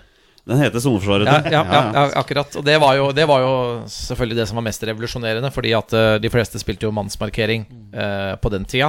Eh, og dette er jo ideer som Drillo har henta mye fra, fra England. Um, så det var jo revolusjonerende. eh, og Drillo blei jo det blei vi jo best på. Vi spilte sannsynligvis det beste soneforsvaret i verden. eh, og, eh, og slapp inn veldig eh, lite mål. Og så var det jo den ekstreme direkte fotballen. At han hadde forska seg fram til at eh, de fleste skåringene kom på tre pasninger eller færre i Eliteserien her hjemme. Så det var jo den ekstreme gjennombruddshissigheten, og, og, og, og det er jo I dag så ser vi jo mange av de beste klubbene spiller jo sånn. Altså, ja, det er ikke flopasningen, men når du vinner, hva, så handler det søren meg å komme seg raskest mulig fram med et enormt tempo. Sånn. Så, så mange av Drillos ideer og tanker altså, Det lever jo i fotballen i dag. Og selvfølgelig måten å analysere på, da hvor han også var helt fremst i verden og sitte med data og statistikk og tall og ja, hele den pakka. Også på den tida der òg. Altså med data og statistikk på den tida der. Altså Nei, helt enormt. Bare en sånn liten sånn fun fact. Eh, Et av de lagene som slår flest langpasninger i verden nå, Liverpool. Og det er litt sånn at det, altså, det er, Du finner jo ut liksom det at det er å komme seg nærmest mulig motstanderens mål så fort som mulig, og så etablere trøkket oppe der. Og Det er det veldig mange som gjør nå, men det var ingen som gjorde det på den tida her. Nei. Så fascinerende, altså. Så hvordan, hvor tidlig han var ute. Jeg tror også de fleste fotballsupportere i dag driter egentlig hvordan laget sitt spiller, så lenge man får resultater. Altså. Jeg, jeg tror egentlig det er så enkelt. Men det er også det er ofte litt sånn både og, det der, da. Ja da, men det er det som er så fascinerende med fotball òg. At det er liksom forskjellig, og folk liker jo forskjellige ting. Altså Noen elsker jo Barcelona-stilen fra 2000-tallet, hvor de hadde ballen 95% Altså Jeg tror jeg aldri har kjeda meg så mye. Jeg har sett fotballkamp med Barcelona på den tida, for det var jo ikke noe framoverretta i det hele tatt. Fascinerende er liksom ulikt I- ikke sant, men- jeg, jeg, jeg- elsker å se på det. Ja, men, det liksom men jeg er mer sånn for rett fram-fotball. Da, faktisk produsere sjanser. Ja. Men der ser du hvor Ja. forskjellig det er, da. Ja, fascinerende. uh, Petter, uh, spørsmål til fra soneforsvar her. Og han vil tilbake til skjebnekampen mot Nederland han, i forrige kvalik, eh, november. Da skapte vi ikke en eneste sjanse. Um, kunne det vært en idé å hente fram Flo-pasningen i slike situasjoner? Eh, både nødlandslaget og Lagerbäck hadde lignende grep på repertoaret med å lage litt kaos i motstanderens boks. Ja, du må jo Jeg tenker at eh, Ja, du skal jo inn i motstanderens boks her nå, bare å sende fram en midtstopper da som er eh, tårnhøy, og smelle noen baller fram, selvfølgelig. Når du er desperat og trenger mål, så må man jo gjøre det. Men eh, ja, man, man reagerte jo litt på det i den kampen her. Altså, Jeg skjønner jo det at målet var å holde 0-0 såpass, eller så lenge som mulig, men men vi var jo ikke i nærheten av noe som helst. Så, men ja, artig å komme med det spørsmålet, for jeg hadde egentlig glemt hele kampen. Men nødlandslaget altså de pælmer jo ballen opp på Jørgen Strand Larsen. Det. Han fikk to megasjanser. Ja, absolutt. Hvordan scoret på? Eh, Ja, det Jeg og Drillo mener jo at flere lag burde gjøre det oftere, og, Ja. og han bruker jo et eksempel Eller, eller måten han argumenterer for det, er jo å si at hva gjør alle lag når de må ha mål på slutten av kamper? Jo, da er det jo det, ofte det grepet de tar. Yes. Ok, Hvorfor tar du det grepet, da? Jo, for du mener at det kan tilfeldighetene spille inn, og da kan det skje noe. Du bare får den inn i boksen. Ja, men hvorfor, Ok, gjør, hvorfor gjør du ikke det gjennom 90 minutter, da? Kanskje skal du ta det litt tidligere. Ikke sant? Ja, ja, eh, På et, ja. Men det er jo vanskelig å argumentere mot hele tida mot det Drillo sier der òg, da. Mm. Det er vanskelig, for den har jo, han har jo rett på en eller annen Ja, det er klart han har det. Ja. det er jo, han fikk oss jo til mesterskap. Så Men det er klart, Han hadde jo Jostein Flo som ja, Flo hoppa, og han hadde over to meter i høyde. Altså ikke i at han var fysisk høy, men han hoppa Ja, ja. to Han var jo friidrettstalent som ung, ehm, så han hadde jo den ekstremkompetansen. Ja. Men som også Drillo uh, sier, eh, han løper jo uh, Altså, han, tanta til Drillo løper fortere enn Jostein Flo, mener han. Så han var jo like dårlig på et- noe annet. Ja, Han hadde sin rolle, da. ja han hadde sin rolle. Ja, Det var å vinne hodedueller, Ja, det ja. gjorde han jo til Men det, det, det er spisskompetanse, da. Ja, ja. Leo Leonardsen sier jo der at jeg, jeg skjønner ikke åssen jeg kunne være god nok for dette landslaget, men jeg hadde en spesiell rolle. Bare løpe. Ja, det var å løpe. Det, var, det er litt sånn, Du har sånne typer, da. Bjørneby. Du skal ha ball, du skal klinke den langt motsatt. Mm. Det er eh, rolla di.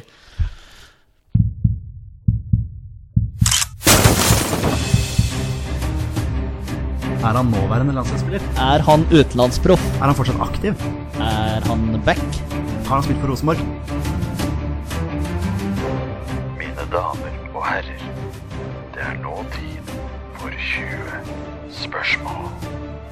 Det er på tide å avslutte dagens episode med en runde 20 spørsmål. Petter, Torstein og dagens gjest Daniel Høglund har 20 ja- og nei-spørsmål på å komme fram til spilleren jeg har funnet fram. Og det er da en spiller som har minst én A-landskamp for Norge. Bonusregelen her i Våre bestemenn er at når de gjetter navnet på en spiller, da er spillet over, og de har vunnet eller tapt. Daniel, er du klar for å prøve deg på dette her med gutta? Ja, ja, ja, absolutt. Ja. Jeg føler jeg er i trygge hender. Dagens Enn twist så lenge. Dagens twist er en velkjent en. Det er to posisjonsspørsmål.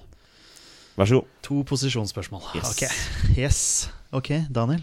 Hva tenker du? Har du lyst til å starte? med Ja, altså, jeg må jo si at når, jeg, jeg lurer på da at, eh, om, om du, at det kan ha noen ganger noe med gjesten å gjøre på et vis. Så jeg, jeg lurer på om, om det er lov å Kan jeg stille først første spørsmål? Ja, ja, Er det en spiller som spilte under eh, Drillos første periode?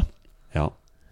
Det er et meget, meget godt spørsmål. Sterkt åpningsspørsmål. Ja, det er altså. Ja. Ok. Ja. Og da får vi egentlig svaret på om spilleren fortsatt er aktiv òg. Sannsynligvis ikke aktiv. Sannsynligvis ikke aktiv. Torstein, Torstein, du har jo vært inne på teorien til Daniel Høglund her mange ganger før. Ja, det at det pleier å være en relasjon, eller relasjon, en referanse, eller Ja. et eller annet sånt. noe. Ja. Har du noen landslagsspillere fra, som har spilt for Fram? Eller idrettsforeningen Fram? Eller Fram Larvik? Eller ja, men ikke Ikke under Drillo. Ikke under Drillo. Så hadde Gunnar Halle, som er fra Larvik, men han var jo da spilte jo på Larvik-turen. Eh, Selvfølgelig. Så det hadde jo vært Det er klart, hvis det er det Så, så har jeg jo altså, gått rett på den. Eller så må du tilbake til han- eh, Tom R. Jacobsen, men han spilte jo på 80-tallet. Ja, da- Keeper. Tiger, tig, Tiger-Tom. Skal, ja. skal, vi gå rett Spilte på, på fram. Skal vi gå rett på å spørre om han er høyreback? Er det det du prøver å si? Ja, ja. vi har to posisjonsspørsmål. Ja, Vi har bare to posisjonsspørsmål. Ok, ja. Så spørsmålet er jo Vi pleier jo da å spørre Men det er lov å spørre om han har eh, eller Eller har har spilt i Larvik-turen, men det er kanskje å kaste bort et spørsmål. At Det blir for spesifikt. Nei, Nei. nei jeg syns det er bare gøy, det, hvis du har øh, Ja, ja, ja. Jeg syns du skal gjøre det hvis du det? Ja, ja. eh, har han eh, en fortid Eller ha, spilte han noen gang i Larvik-turen? Nei. Nei, ok. Nei, det ville vært Helt innafor. Ja, Helt innafor. ok. Men jeg skal innrømme at jeg var innom Gunnar Halle. Ja. jeg er veldig glad jeg ikke tok han. Ja, ja. Tidenes raskeste 20 spørsmål. Ok, ok. ok, Vi vet at han var med Drillo da i første perioden til Drillo. Og den per perioden gikk fra 93? Var det? Nei, 90, eh, 90 til 98. 90 blank 90 til blank, ja. 98. De tre første i altså den perioden hvor han er vikar, Mm. det er høsten eh, 90. Riktig. Ja. riktig, ja Ok. Hvor går vi, Torstein? Han med begge VM-a, eventuelt. Ja, det går an. Får utelukka ganske mange da. Ja, Eventuelt. kjør. Eh, Var han eh, med i begge mesterskapa? Nei. Skal vi finne det konkret hvor han var med, da? Ja. Uh, spilte han, eller var med, alt ettersom, i VM 98? Ja. Ok, så da var vi på 98. Hvem er første, første spilleren som popper inn, Daniel? Nei, altså Jeg regner jo med at han på en måte ikke bare velger Tor André Flo eller Ole Gunnar Solskjær, eller altså Kan like gjerne Så, gjøre det. ja da. Uff, ja. Um, det er jo um, Ja, hvilket spørsmål er lurt å komme med for å Det er jo komme fristende å spørre om eh, han har spilt i Premier League, i og med at Ja, du jobber for Ja, et og at det selvfølgelig blei en voldsom uh, trøkk inn mot Premier League akkurat i, Ja. i, i de åra. Så ja, skal Skal vi- spørre om det, da. Ja, gjør det, du. Ja, uh, har han spilt i uh, Premier League? Nei. Jeg tenkte Vidar, Vidar Riseth. Da fjerner man en god del spillere òg, da. Men det er jo skotsk Premier League, så nå har jeg allerede svart på det òg. Ja, men vi mente engelsk Premier League. Du er Ja. med på den, Jonny? Ja, men han Jeg kan være med på den. Ja, ja, ja. Du skåner Daniel for den. Spørsmålet var jo Premier League, så da Ja, er det jo, jo, jo, da- Da er det Ja. er Vi har gått på den smellen før. Jeg skjønner, jeg skjønner. Mm, Ja. ja da. Eh, Det er jo x antall ligaer som heter Premier League. Det er sant. Vi har funnet ut av det. Okay. Men i VM i 98, da hvis vi bare begynner å tenke hvilke spillere som, eh, som Som ikke har spilt. For det var ganske mange Premier League-spillere, ikke Det var jo det. egentlig. Um, mm, Har han Ja. spilt Premier League? Nei. nei. Nei, Eh, Rekdal, Rekdal har ikke var vel heller spilt, ikke eh, innom Premier League. Nei.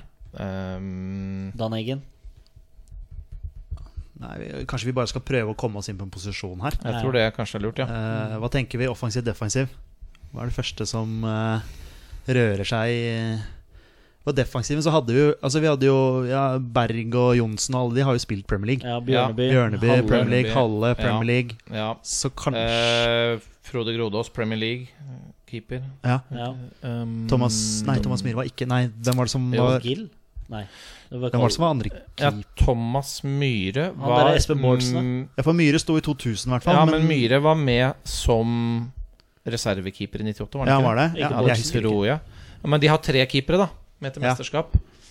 Kan det være Gill var med? Gil, var, ja, Thomas Gill var med Ja, til VM ok. 98. Ja, det er jeg helt sikker på. Ja, Ja, Eh, han, men de hadde med tre, så jeg vet ikke om det var Men eh, Myhre og Gill. Om han spilte i VM i 98. ja, det kan vi spørre om. Ja, om han har spilt Eh. Spilte han uh, fotball i VM i 98?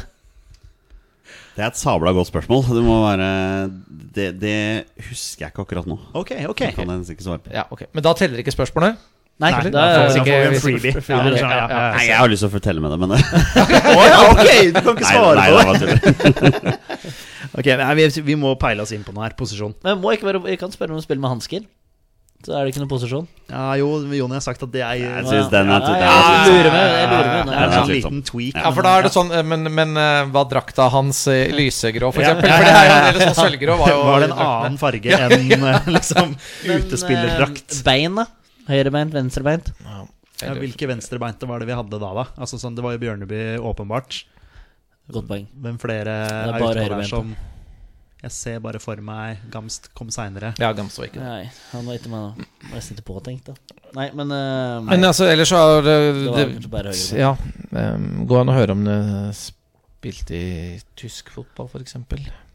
Det går absolutt an. Men uh, Nå har jeg svaret på spørsmålet ditt, Ja. så nå Ja. kan jeg svare ja eller nei. Ja. okay. Hva var spørsmålet? Uh, om Han han spilte, spilte fotball i VM 98? Om han var på banen? Ja, han var på banen. Svaret er nei. Den er interessant. Åh, Okay. Da har jeg ehm, Altså Det som er morsomt, da, er jo at eh, Hvordan er den historien?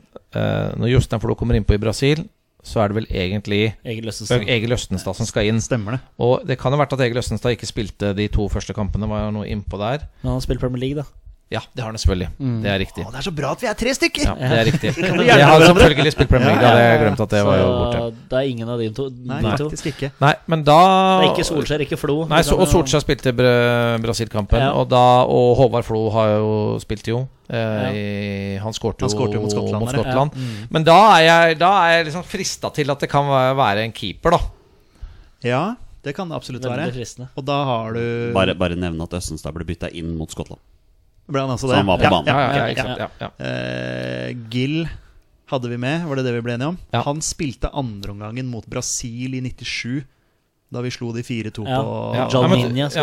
på Ullevål. Jeg tror, ja. ja, for jeg husker at Thomas Gill var eh, på, altså på Nintendo 64, VM 98. Eh, der husker jeg at det var Gud, Thomas Gill. Bedre elsker å spille der. Ja. Det var tider, det! Åh, det var deilig. hva? deilig. Fifa Road to World Cup 98. Ja, eh, men dette her var det som het World Cup 98. eh, Ja, ja, som var ja. et spill. Og, det, det, eh, og jeg husker at vi, Ja, vi satt i kjelleren det, til vi, en, en kompis av meg hadde et, VH, eh, et videokamera. Så lagde vi et fotballstudio. Eh, hvor vi satt, og eh, jeg var programleder, og en kompis var Nils Arne Eggen. Og sånt Og så filma vi TV-skjermen. Da hadde vi sendt både Norge og Brasil til finalen i VM. Og så lot vi computerne spille mot hverandre. Og så kommenterte vi. Norge vant 2-1. og vant VM 98. Det var ganske sykt. Ja. Husk, husker du målskåreren, eller? Nei, det er ikke det. Men, eh, men jeg husker vi hadde mye sånn, sånn running joke om at Thomas Gill var så dårlig. At han var liksom du, ja, ja, I det spillet. Ja. Men, men hva veit dere nå, gutter? Eh, Ja, han spilte ikke i VM 98. Det tar jo bort ganske mange spillere. han var med i VM 98, men spilte ikke. Var Nei. ikke på banen. Nei, men Eh, ja, Gill. Skal, jeg vil høre om det er en målvakt, eller Ja, skal vi gjøre det? Det går an. Dere har to, to posisjonsspørsmål. Dere har Ja. ikke brukt noen. Men defensivt anlagt går jo innunder som keeper. Altså forsvar eller keeper. Ja, men, Hvis vi eh, kjører defensivt anlagt. Ja. Men du er litt på keeperen der. Men hvor spilte han hen, da? Altså, Hvilke klubber var det han Nei, det husker jeg jo Han ikke. har Det spilt i så mange klubber. Ja, det var x antall klubber. Strømsgodset tror jeg faktisk han har vært innom. Var han innom Vålerenga en tur òg? Det burde du Et det meste om. Nei, jeg, jeg kan for lite om han. Men, Ja. eh, Men vi kan jo spørre om- spilte ja. han Mm. Spilte denne spilleren andreomgangen mot Brasil da vi slo de 4-2 på Ullevål? Nei. Nei, det er det ikke Thomas Gill. Nei. Nei. For han slipper inn en mål der. Ja, for det var han som kom inn. Ja. ja, Eh, og andre og, og, um, ja, og Thomas Myhre har jo vært i England, ja. så han kunne ikke vært. Da er det ikke en keeper. Nei, Da må er vi bare ikke keeper. bort. Ja, Håvard da- Flo, da. Ja, han har spilt. Ja, han har spilt, ja. Men vi må, da må vi inn på posisjon. Da Da, må, ja. vi om Ja. vi, da snakker vi her om en offensivt anlagt spiller, Olsen. Altså, eh, ja, du vet hva jeg legger i det. Midtbanespiss, midtbaneangrep. Nei. Da er vi forsvarsspiller. Ok, da har vi forsvarsspiller. Mange spørsmål har vi brukt nå? Åtte, så dere har god tid. Oh, ja, å dere er bare okay, dere har tolv igjen. ja, Men da må det være forsvarsspiller. For nå har vi utelukka keeper, vi er enige om det. Ja. Og det er ikke en midtbane, ikke en uh, er spiller? Men hvem er det du har da? Bjørn Bergdølmo? Altså, er han med? Jeg husker ikke hvem som eh, For han er med i ja, For 2000. Dan Eggen scorer jo, så han spilte jo. Ja. Dan Eggen spilte. Henning Berg spiller. Ja, Henning Henning Berg Berg, han spilte. Han får, han, Henning Berg får Ja, krampe mot Ja, uh, og alle de, det, det er jo Premier League også, sånn, Ja. Henning Berg, Ronny Johnsen og de Men gutta der. Bergdølmo, altså, er han Han var jo med i 2000, vet jeg, men jeg vet ikke om han er Har du sett han i noe råmateriale? Jeg prøvde å tenke. ehm, Venstrebeint, eller? Ja, jeg vil si det. Er han, eller er han litt sånn tobeint? Jeg har faktisk sjekka bein på forhånd denne Ja, gangen. bra, bra, jeg er, Ja. eh, Men han er lett å utelukke, da. Ja. Han har spilt for Ajax, har han spilt for uh, Rosenborg, han har spilt for Lillestrøm. Altså, Ja. ja, Det er jo så mange klubber man kan ta der. Spilte han med Vazelin kan- på Øvreene? jeg kan ikke huske at, um, at Bergdølmo var med i 98. Nei. Men, kan- men det er mulig at det vært det har vært med en unge Ja. vi, har, vi har ingen opptak fra bussen der, så vi kunne Nei. få sett alle på tur. Dere har jo ett posisjonsspørsmål til. Ja, vi har det om vi kan gå Ja. konkret på stopper eller back. Ja. Ja. For vi vet at det er en forsvarsspiller her. Ja, Det skal vi ha resonnert oss fram til nå, sånn i utgangspunktet, med mindre vi har bomma på et eller annet. Sånn Ja. Det er en eller annen tredje keeper der som vi bare keep, det er Grodås, Gill og Jeg tror det er Grodås, Gill og Myhre. ja. Det, det er bare det jeg tror. Ja. Og to av tre av de har vært i Premier League. Og, og Gill sto den andre omgangen mot uh, Brasil, Ja. da vi vant 4-2. Uh, så det er ikke han. Nei, vi må på Vi må finne posisjonen. Konkret posisjon. Ja. Og da skal vi gå på midtstopper, f.eks. Ja, Bare eh, Snakker vi om en midtstopper, Olsen? Ja. Det er ti, så da er vi halvveis. Oi, Vi er bra. på midtstopper. Ok, Ja. midtstopper Ja. var med i Det må jo være en sånn unggutt? Altså, Ja, Eller sånn- kan det ha vært Tore en, Pedersen, da? eh, Kan det ha vært en Rosenborg-spiller da, den gangen? Som ikke fikk var- Rosenborg-spillerne var jo ofte innom landslaget, men spilte ikke så mye. Bjørn Otto Brakstad? Premier League. Ja. Derby, vel? Var ikke det Premier League? Eller var det Jo, Derby. Ja, det er nok det. er nok det Jo, jeg tror det. Men Tore Pedersen er ikke med da? Nei. Var ikke han for gammel da? Eller? Jeg, jeg veit ikke. Tore Pedersen må jo være eh, Det er vel eh, første halvdel, er det Er ikke det det? det? Ja, for Bratseth ga seg jo i 94, så han Ja. er jo ikke Ja. Oi, oi, oi. Hvem er, um, er dette her, da? det, er- altså, det går an å høre om det er en som etter hvert blei, fikk en rolle under Nils Johan Sem, da. Men jeg vet ikke hvem det skulle som var ung, men som fikk en Ja, Fikk faktisk- en det går spør, Eller i det hele tatt om han spilte i utlandet. Ja, absolutt. Ja. Ja. Ja. Vil du Spilte han noen gang i utlandet? Nei. Nei, okay, Så det er en Oi. spiller i uh, Elite elit som aldri har vært i utlandet. Antall landskamper her, da. Om man ja, liksom- eller om han har flest kamper for en nåværende eliteserieklubb, f.eks. Ja, At du skal komme oss hjem Prøve oss inn på den klubben. Ja. Ja, men- hm? Hm? At, eh, at han, for han er jo i Eliteserien. ja, Hvilken klubb? Ja, det kan, ja, klubb, det kan ja. jo være at han har spilt for Lyn, og de er ikke sånn, eliteserien nå. Altså for en riktig. Ja, ja, ja, for, eller eh, Fredrikstad, eller et eller Ja, annet sånt. ja, Ja, bare sånn, ja. riktig, ja. Har han flest kamper for en nåværende eliteserieklubb? Ja. Uh, og så finne ut hvor den klubben holder til, da. Ja. Det er jo fort å, det er jo fort å tenke Rosenborg. Ja, det er veldig Var fort det å ikke bare Rosenborg-spillere på den tida der, da? Eller? Hvem var det som Den eliteserieklubben har den hvite drakter. Det er lov til å spørre om det. Det er Ja, det er absolutt lov. Ja, det er absolutt Eh, har Hvor mange eliteserieklubber har hvite drakter? Odd, Odd og Rosenborg, da? Ja, det var ikke noen fra Odd på det Nei. i 98. Nei, hvem- hvilke Molde? Hvem er det som de har, da?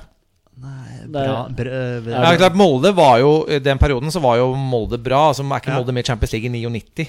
Jo, faktisk. Jo, Eh, sammen med Rosenborg, så Eh, den klubben denne spilleren uh, har flest kamper Nei, jo, jo, det er det flest kamper for. Er det Molde eller Rosenborg? ja. ja, Det er Rosenborg. Det er Rosenborg, gutter. Den klubben, er det Rosenborg? ja. Vi var tidlig inne på Rosenborg, da. Ja, ja. ok, ok. Altså. Ja, Rosenborg, ja. fælt her, men uh... Jo, jo, men det er helt greit, det. Det er greit å få det Ok, så det er da- en Rosenborg-spiller som er med, som ikke var på banen. Hvem fanken var det Rosenborg hadde på stoppeplass? Leo Gjelde Nei, ikke Leo Gjelde, men han eh, Jon Olav Gjelde. Jon Olav Gjelde. Premier League. Ja, det er Premier League igjen, Nottingham du. Forest, Ja, det er det. Var det med Premier League da? Ja, Ja, var kanskje. det, ja jo. Uh, oi. Men Gjelde Brakstad Brakstad er sannsynligvis Premier League med Derby. Ja, jeg tror det. Ja. Med mindre de var i championship. Det heter vel kanskje ikke det da, men har vel ikke så mye å si. Eh, Rosenborg på den tida der òg, vet du. Herregud. Flest kamper for Rosenborg. Var med i VM 98. Men spilte ikke. Spilte ikke. Midtstopper. Oi, oi, oi. Nå sitter de og tenker så det knaker. Ja, ja, ja, ja, ja, ja, ja, ja. Lyttere. Ja, står det, det stille, um, altså. For man har jo de åpenbare, på en måte. Pleier dere å klippe i dette her, eller er det triks på det? ja, vi får se hvor lang episoden blir. Det er jeg som klipper, så Det er, egen, eh, ja, det nesten en egen podkast, dette her. Ja, faktisk. Ah, frustrerende. Jeg har vel klippa 20 spørsmål. Men han, har- men han har ikke spilt i utlandet, den fyren her. Har bare Nei. spilt i bare hjemme. spilt Det var det du fant ut. Ja, ja.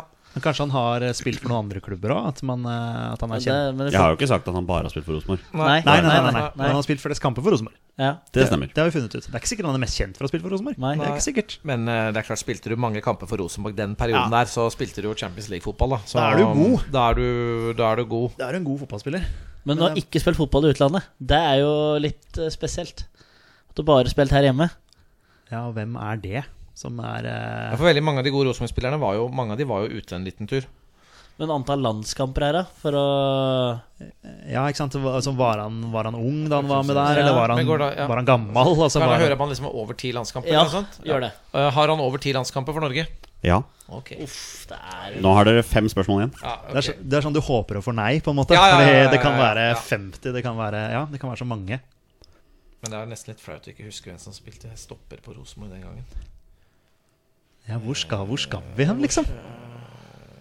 Nå sitter jeg liksom og tenker sånn Bent Skammelsrud, han var jo ikke midtstopper. Han var jo midtbane eh, på den tida der. Men kan det være at uh, Christer Basma har flest kamper som uh, midtstopper på landslaget? Ja, for dette er jo posisjonen hans på landslaget. Ja. Så om det er Christer Basma som er inne her. Ja, for Basma For du tenker primært på han som høyrebekk? Som høyrebekk, ja. Høyrebekk på Men at han har spilt midtstopper på landslaget? Ja, si at, si at han har elleve landskamper, og så er han seks som stopper og fem som høyrebekk. Ja, det kan hende. Og han har spilt i Stabæk, har han ikke det? Ja. Så han er lett å utelukke sånn sett. Ja. Skal vi prøve? Det er det eneste langskuddet jeg har. Tenker du Ja, nei, jeg, Ja. jeg, jeg, jeg, jeg, vi, vi har i så fall ikke i nærheten av å vite at han var med. Men altså at hvem som var med til 98 og spilte under Drillo Altså eh, Skammelsrud var jo med til 98. Ja, men kan, men kan han ha spilt landskamper som stopper? eh, og jeg bare tenker hvem som kan ha vært med i 98. Brattbakk var sikkert med til 98. Men nå kommer vi ikke på noe. Altså, det er lett å utelukke han. Ja. Eh, bare spørre om han har Ja. spilt for Stabæk. Liksom bare sånn, Har han spilt for Stabæk? Nei. Da er vi ferdig med han. Nei, Nei Da trenger vi ikke å bruke tid på han Det er ikke Christer Basma heller. For det er Stabæk han har spilt for, ikke sant? Jeg, vet- ikke. Å nei! Du, du Jeg kan, jeg, bekrefter jeg, du jeg, jeg kan ikke skjønne at Christer Bassmann var med i 98. Nei. Jeg huske. Nei. Dere har, jeg eh, dere har fire spørsmål spørsmål igjen, og jeg tenker vi bare Erik speeder litt opp her. Ja. Erik Hoften. Å, den er, så, er den så åpenbar? Erik Hoftun. Har han spilt for Bodø-Glimt? Ja. ja, det er selvfølgelig det er, det, her det, det, Fikk han eh, helt, hjerteinfarkt for Bodø-Glimt? ja. Ja, det er selvfølgelig Det var jo det vi sk- var det, Er det Captain Leader Legend Hvorfor kom den nå? Takk. Hva skjer? Captain Leader Legend i Rosenborg? Ja, har du et spørsmål her? Ja, er han det? Å, ja, ja. Ja. Ja. ja. Ja, der var det. Bra. Ja. Det er så dumt at eh, jeg har ikke Åh, fy fader. Nå har dere ett spørsmål igjen. Nei, det er bare å si eh, ja, Ta det du, Torstein. Ja. Åh, er det? Ikke, ikke Jo, Nei, jo, Nei, nei, nei, det var Det du var som du tok som den. Det var du som tok den. Ok, ja. Jonny, Selvfølgelig er det det. er det Erik Hoftun? Gutter? Det er Erik. Veldig bra. Jeg vet at du sier veldig bra, Daniel, men jeg kjenner disse to gutta her nå. Og de er ganske irriterte akkurat nå. Ja, Ja, men ja. eh, det er en lettelse òg. Ja. Fryktelig letta. Jeg, jeg, må inn, jeg må innrømme at jeg satt der etter hvert og tenkte herregud, skal dere ikke ta den her? Ja, det var faktisk ganske Det er- dårlig. Det var ganske Jeg, dårlig. jeg synes det er Hvem spilte midtstopper på Rosenborg Ja, jeg- på den helt- tida helt- der, eh, liksom? Tragisk. Hvordan kom du på han, liksom? Altså, hva var det som Jeg tenkte eh, tidlig Rosenborg? Hvem var det som var løfta Men det skal sant sies, da. Han var 29 år da han, ble, når han var med til VM i 98. Da hadde han bare én landskamp. Ja, ikke Ja, sant? men han endte på 30. Så han har Oi! Ja da, han endte på 30 kamper. Ja vel, ja vel. Ja vel. Det gjorde han, vet du. Det der var Det, var, det, det, Det var- føl, det det var jo- føltes ikke som en seier. Nei, men det var jo vel, som sagt, veldig mange av disse Rosenborg-spillerne som, som De fikk jo ikke så mye spilletid under Drillo på Nei, gjorde ikke 90-tallet. Nei. 82 kamper i Champions League. Det er jo ikke så gærent, det. Uh, Kiel, Hemne, Molde, Rosenborg og Bodø-Glimt er karrieren hans. Det er sant, det er Molde og Rosenborg. Jeg ser 11 seriemesterskap, tror jeg, tre cupgull. Og så Og ble 350 kamper for Rosenborg, Ja. eller? Eh, Og så ble, fikk han også Kniksen-prisen som årets forsvarsspiller fem år på rad. da 95, 96, 97, 98, 99 og 2000. Det er Man- seks år, det, faktisk. Mange kamper har han for. Rosenborg? Han har 279 Ja, seriekamper. Men det er seriekamper. Ja, ja, men han spilte, Ja, ja, ja. alt. Han spilte jo alt. Pluss 80, ja, ja. Men hei, dere klarte Ja, ja. den! Gratulerer. Ja. Ja, det var bra. Den satt, eh, men den satt langt inne. Jeg ser for meg at mange hører på og bare skriker ut navnet, faktisk. 100 Kjære lyttere der ute. Jeg oppfordrer dere alle til å skrive i kommentarfeltet i denne episoden her hvor lang tid det tok før dere tok Erik Ja, ja. Hoftun. Altså, I det vi Så hadde vi Rosenborg, så hadde du egentlig Erik Hoftun. Ja. Det burde vært det med en gang. Det var, eh, Men igjen, Torstein, så er det du som redder dagen. Plutselig Ja, kommer du på er, navnet. um, Ja, det plutselig. Ja. Meg og han Hva er heter han? Jan Frode Nordnes? Var det den som satt en gang? Ja, vi har hatt Ja. sånne moments. Ja. Ja, ja. Og med det er det på tide å avslutte dagens episode. Hei, Daniel. Det har vært en fornøyelse å ha deg her i dag. Veldig hyggelig å være her. Dette har vært Ja. veldig veldig gøy, og Ja. vi har uh, lært mye. Vi har kost oss. Vi Ja. har kost oss. Ja, ja. Det er bra. Uh, tusen takk til alle dere som hører på. Dere er fantastiske mennesker. Vi er våre beste menn. Heia Norge. Heia Norge. Heia Norge. Heia Norge. Og hei.